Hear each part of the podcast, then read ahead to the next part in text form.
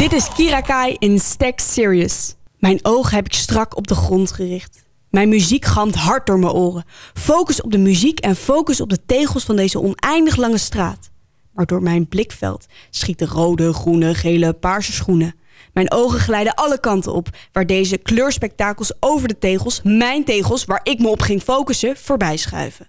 Mijn ogen schieten heen en weer. Maar ik probeer me toch te blijven focussen op de muziek en de tegels. Want zo had ik het met mezelf afgesproken. Dan opeens komt er op mijn tegel een dikke, gore, behaarde mannenteen. Wie de fuck draagt met dit weer nou weer slippers? Ik kijk omhoog om de rest van zijn outfit te checken. Shit, shit, shit. In mijn blikveld is nu niet waarop ik me zou focussen. Het beeld is veranderd van tegels en voorbijvliegende kleuren in een kudde mensen die hele outfits met verschillende kleurencombinaties aan hebben. En bovendien allemaal nog een andere handeling uitvoeren. Check de man met de zomeroutfit in dit winterse weer. Heb ik iets van je aan of zo? roept hij keihard naar me terwijl ik naast hem sta. Nu is mijn tweede focuspunt, de muziek, ook al verloren. Moet ik nou reageren en mijn oortjes uitdoen als ik reageer? Maar als ik dan zou reageren, zouden de mensen achter hem dan ook horen wat ik zeg?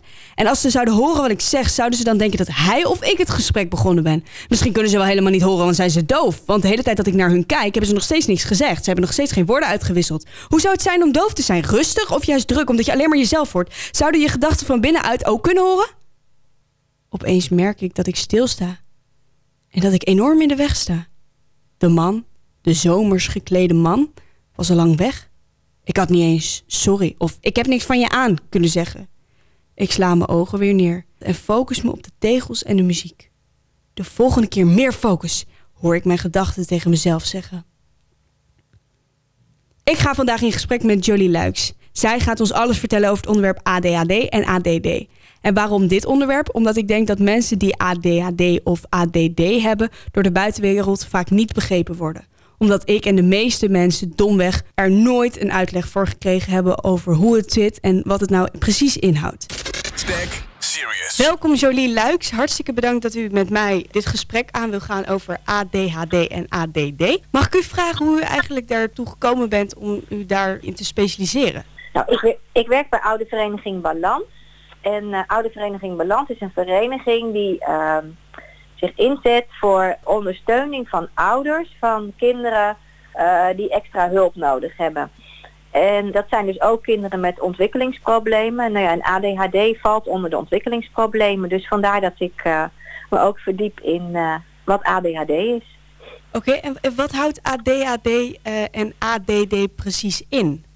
Ja, nou, ADD is gewoon een van de vormen van, van ADHD. Ja. Dus het hoort eigenlijk allemaal bij eh, hetzelfde groepje. En eh, mensen die ADHD hebben, die hebben eh, last van impulsiviteit. Dus dat ze eigenlijk heel veel dingen doen zonder dat ze daar eigenlijk heel goed over nadenken van tevoren. Dan hebben ze het al gedaan en dan denken ze vaak, oeps, had ik misschien beter niet zo slim kunnen doen. Of dat was niet zo'n tactische opmerking van mij.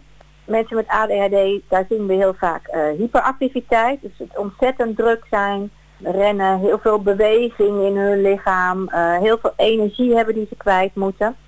En we zien aandachtstekort. En dat eh, zou, je- kan je best zien als concentratieproblemen. Dus het moeilijk eh, de aandacht bij iets kunnen houden. Dan heb je kinderen en ehm, daar zie je vooral de hyperactiviteit en de impulsiviteit. En minder de, de, de aandachtstekort, dus de concentratieproblemen. Je hebt kinderen en daar zie je eh, vooral het, het, het onoplettende type noemen ze. Daar zien we eigenlijk vooral eh, de concentratieproblemen. Maar ook bijvoorbeeld het, het dromerig zijn. Dat het net lijkt of mensen eh, een beetje in hun eigen wereldje af en toe leven. Ja. En dat is de ADD. En dan zien we ook nog een combinatie tussen die, die hyperactiviteit, de impulsiviteit en nou ja, het onoplettende type. Hè? Dus dat dromerige en dat, die concentratieproblemen. En dat gecombineerde type, dat is wat we het meeste zien. En het verschil dus eigenlijk als je niet de gecombineerde versie hebt, maar echt ADHD of ADD, is dus eigenlijk dat je eh, niet hyper bent eh, als je ADD hebt. En is er nog een verschil? Nou, weet je, als je mensen met ADD vraagt waar ze last van hebben, dan zeggen ze allemaal dat het dat het in hun hoofd, hè, dat zeggen ook de, de, de mensen die hyperactief zijn en impulsief, dat het in hun hoofd eigenlijk altijd heel erg druk is. Ja. Hè, ze hebben heel veel last van allemaal prikkels die binnenkomen en die ze moeten verwerken. En dat zeggen ook die mensen die ADD hebben. Alleen daar zie je dat ze juist doordat het zo druk is in hun hoofd, uh, in hun gedrag, in hun uitingen naar buiten, hè, wat we zien, dat ze vaak een beetje rustig en dromerig worden, afwezig. Oké. En bij de uh, mensen die um, ja, het hyperactieve en het impulsieve zijn, dan zie je dat ze dat eigenlijk dat drukken in hun hoofd ook meer naar buiten laten zien. En dat is een, uh, een groot verschil. Oké, dat is duidelijk voor mij. En ik vraag me eigenlijk af, hoe ontdek je dan dat je zoiets hebt? Je ziet vaak dat mensen toch uh, kinderen bijvoorbeeld al vastlopen op school. Dat het niet zo lekker gaat. Dat ze vaak conflictjes hebben met vriendjes. Dat het samenspelen niet zo goed gaat. Dat ze de orde in de klas verstoren. dat ze thuis heel veel moeite hebben om tijdens het eten even stil te blijven zitten. Hè? Dat kunnen allemaal dingen zijn die opvallen. En als iedereen heeft natuurlijk wel eens dat hij dit soort kenmerken heeft. Maar als dat nou zoveel is, dat het je echt belemmert in je functioneren. Dus bijvoorbeeld dat je schoolprestaties eronder gaan leiden. Of dat je wel heel veel problemen hebt in, uh, in, ja, in je omgeving. Hè, doordat je ruzies krijgt en dat soort dingen. Dan, dan is er een probleem. En dat is daar, dan is het vast vaak aanleiding om toch te gaan kijken van... Goh, is er hier soms iets aan de hand? Hè? Want dan wil je hulp gaan zoeken. Ja nou ja, als ze natuurlijk hulp willen gaan bieden, dan willen ze natuurlijk ook graag weten van wat is er, want dan weten ze ook beter wat voor soort hulp het beste zou kunnen helpen, hè, welke behandeling het beste is. En uh, daarvoor is dan een onderzoek nodig. Dat onderzoek bestaat eigenlijk uit vragenlijsten en gesprekken en observaties. En vragenlijsten die zijn zo gemaakt dat ze daaruit bepaalde kenmerken kunnen halen en dan wordt bijvoorbeeld gevraagd aan de leerkracht op school om die vragenlijst aan, in te vullen, aan ouders. En als uh, kinderen al wat ouder zijn, wordt ook aan de kinderen zelf gevraagd om een vragenlijst in te vullen. Om te kijken van hoe ervaren ze het gedrag van die persoon. En, uh, hè, en observeren. En aan de hand van al die informatie die dan verzameld is, wordt bepaald of iemand voldoet aan die criteria en of er dus een diagnose ADHD gegeven kan worden of niet. Want u zei inderdaad al met gedrag, we kijken vaak of, of kinderen dan vaak ruzie hebben met, op het schoolplein of met vriendjes. Maar heeft het dus heel veel effect ook op hun sociale gebied? Over hoe ze met mensen omgaan. En hoe komt dat dan, dat ze daar moeite mee hebben? Ja, nou ja, je ziet vaak, nou ja, ga maar na. Als je heel impulsief bent, ja, dan, zie, dan zegt je bijvoorbeeld wat je denkt. Dus als je ziet dat een... Uh, een mevrouw hele rare haren heeft, nou, dan de meeste kinderen weten dan op een gegeven moment wel van, nou dat kan ik beter niet zeggen. En, uh, maar iemand die heel impulsief is, die zal het er al uitgeknald hebben en door de hele supermarkt roepen bijvoorbeeld. Nou ja, daar word je niet geliefd van. Weet je, en, uh, maar ook uh, als een vriendje iets doet of met grapjes maken, maken ze dan eigenlijk net grapjes die net een beetje te ver gaan, die net niet leuk zijn. Maar ook bijvoorbeeld als ze op straat zien dat er iets gebeurt of als ze ergens, uh, hè, als, als, als kinderen onder elkaar stoer doen en ze maken een beetje grapjes van durf jij dat, dan zal bijvoorbeeld dat kind met ADHD, wat heel impulsief is, dat zal dan wel eventjes uh, bovenin die lantaarnpaal klimmen. Of, uh, ja. Hè? ja, die, doet dan, die gaat net over de grens.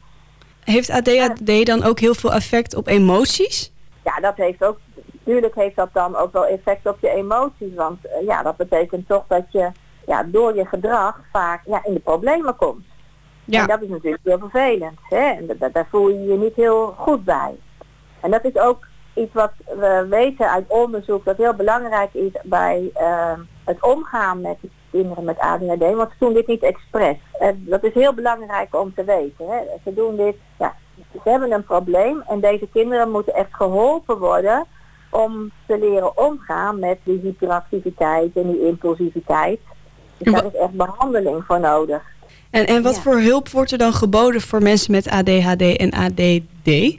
Nou, je hebt verschillende soorten behandeling en dat kan uh, gedragstherapie zijn.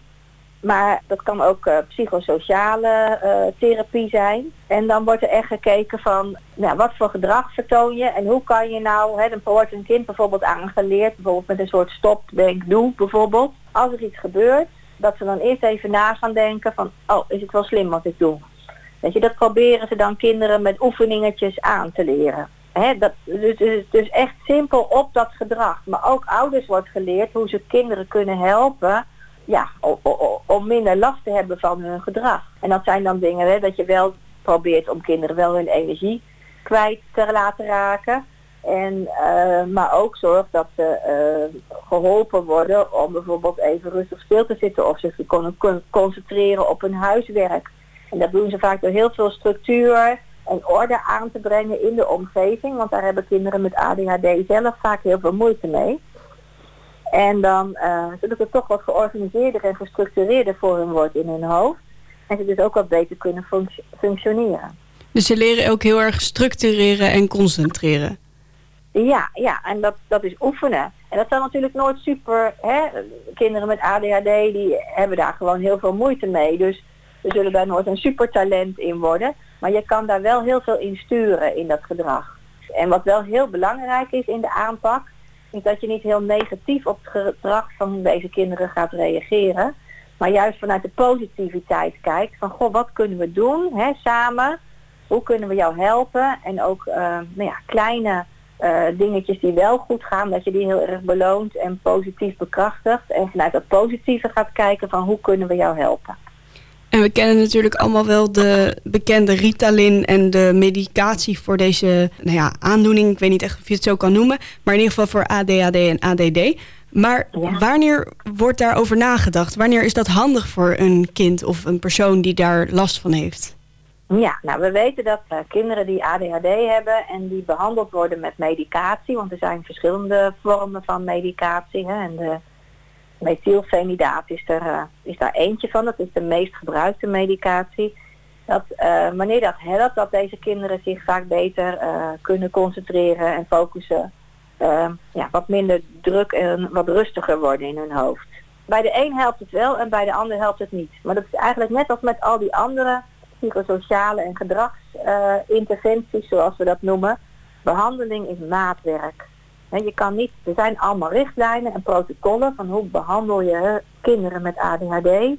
Maar het blijft altijd kijken van hoe is dit kind en wat zal bij dit kind het beste, werken. Kijk bijvoorbeeld alleen al naar uh, nou ja, de gezinssituatie. Het maakt al heel veel uit of iemand woont bijvoorbeeld in een drukke stad of meer op het platteland, waar bijvoorbeeld veel meer ruimte is om buiten te spelen. Dat kan al heel veel verschil maken. Is het heel druk in huis? Zijn er heel veel vriendjes en vriendinnetjes? Dat zijn allemaal dingen, uh, broertjes en zusjes uh, in, in een huis. Hè? Dus, dus is het al heel druk. Heeft een kind, kan een kind zich makkelijk terugtrekken op een plekje om even rustig te worden in huis? Of is dat lastiger in dat huis? Er zijn heel veel factoren die een rol kunnen spelen bij wat is passende behandeling voor dit kind. En hetzelfde geldt eigenlijk ook voor medicatie. Het ene kind zal dat heel goed helpen, is een goede ondersteuning. En dat is dan vaak naast andere behandelingen en therapie. En uh, bij andere kinderen heeft het effect wat je zou willen. Ja, en dan uh, kan je er ook beter weer mee stoppen of misschien nog andere medicatie proberen. Als je nog niet het gewenste resultaat hebt of denkt van nou we kunnen dit kind toch nog beter helpen op een andere manier. Wat je ook al zei, er zijn heel veel factoren die in ieder geval meespelen of ja, meespelen over hoe een kind behandeld moet worden. Maar wat is nou eigenlijk echt de oorzaak van ADHD of ADD? Is het erfelijk of, of kan het gewoon maar zomaar opspelen? Ja, nou we weten dat er, uh, dat, dat er in de hersenen van kinderen met ADHD toch wel iets anders is. Hoe dat precies zit, dat weten we eigenlijk nog niet. Er wordt heel veel hersenonderzoek gedaan en we hebben daar eigenlijk nog geen precies antwoord op van, we kunnen niet zeggen van nou dit plekje dat zorgt er nou voor dat je hè, deze afwijking in de hersenen of dit wat anders is, zorgt ervoor dat iemand ADHD heeft. Maar we weten wel dat er iets in die hersenen is. Hè, dus we kunnen zeggen van dat, dat noemen we dan de aanleg. Hè. Maar we weten ook dat omgevingsfactoren een uh, rol spelen. En nu is het niet zo dat, hè, want dat zeggen sommige mensen wel eens van nou, de opvoeding. Hè, die kinderen moeten gewoon wat harder aangepakt worden en wat strenger en dan gaat het wel over. Dat is niet zo. Het is niet zo dat je ADHD krijgt uh, door, je, door, door je opvoeding. En kan het wel overgaan of is dat ook niet mogelijk?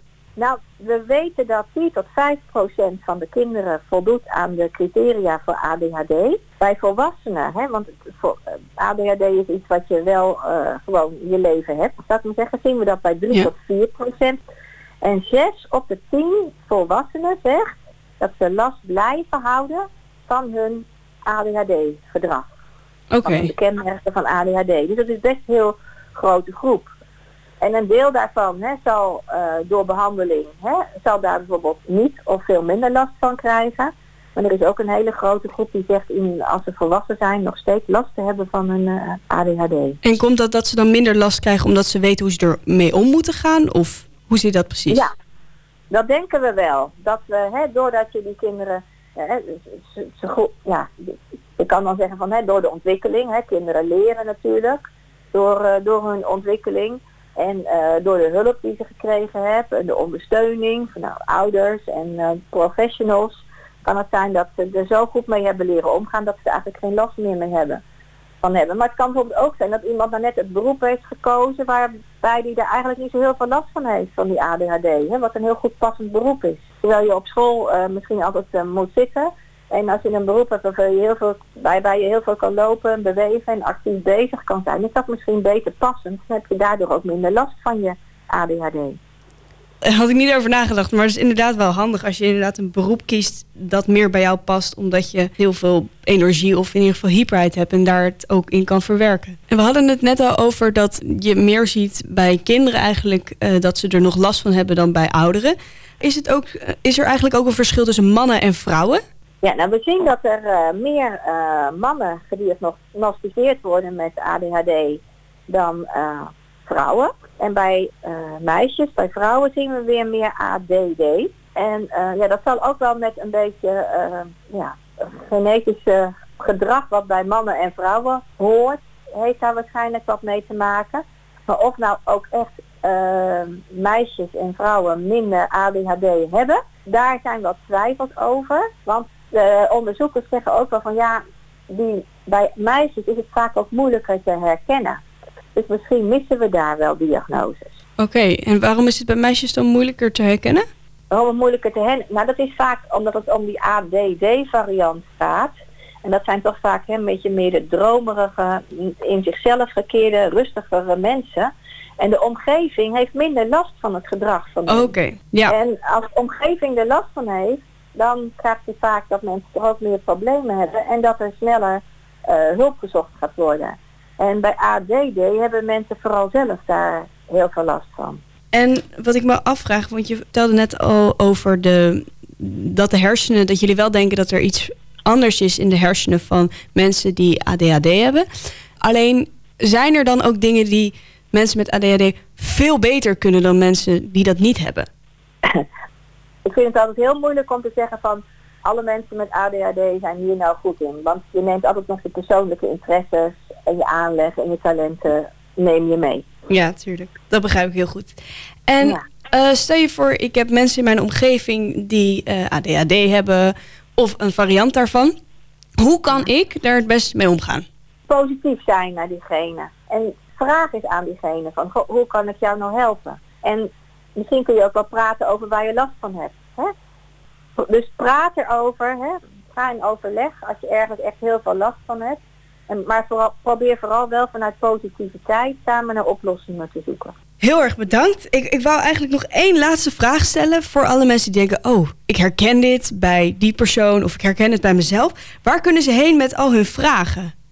Ja, nou kijk eens op de website van uh, Balans, www.balansdigitaal.nl. En uh, hebben mensen daarna nog vragen, dan uh, is er bij Balans ook nog een advieslijn die mensen kunnen bellen.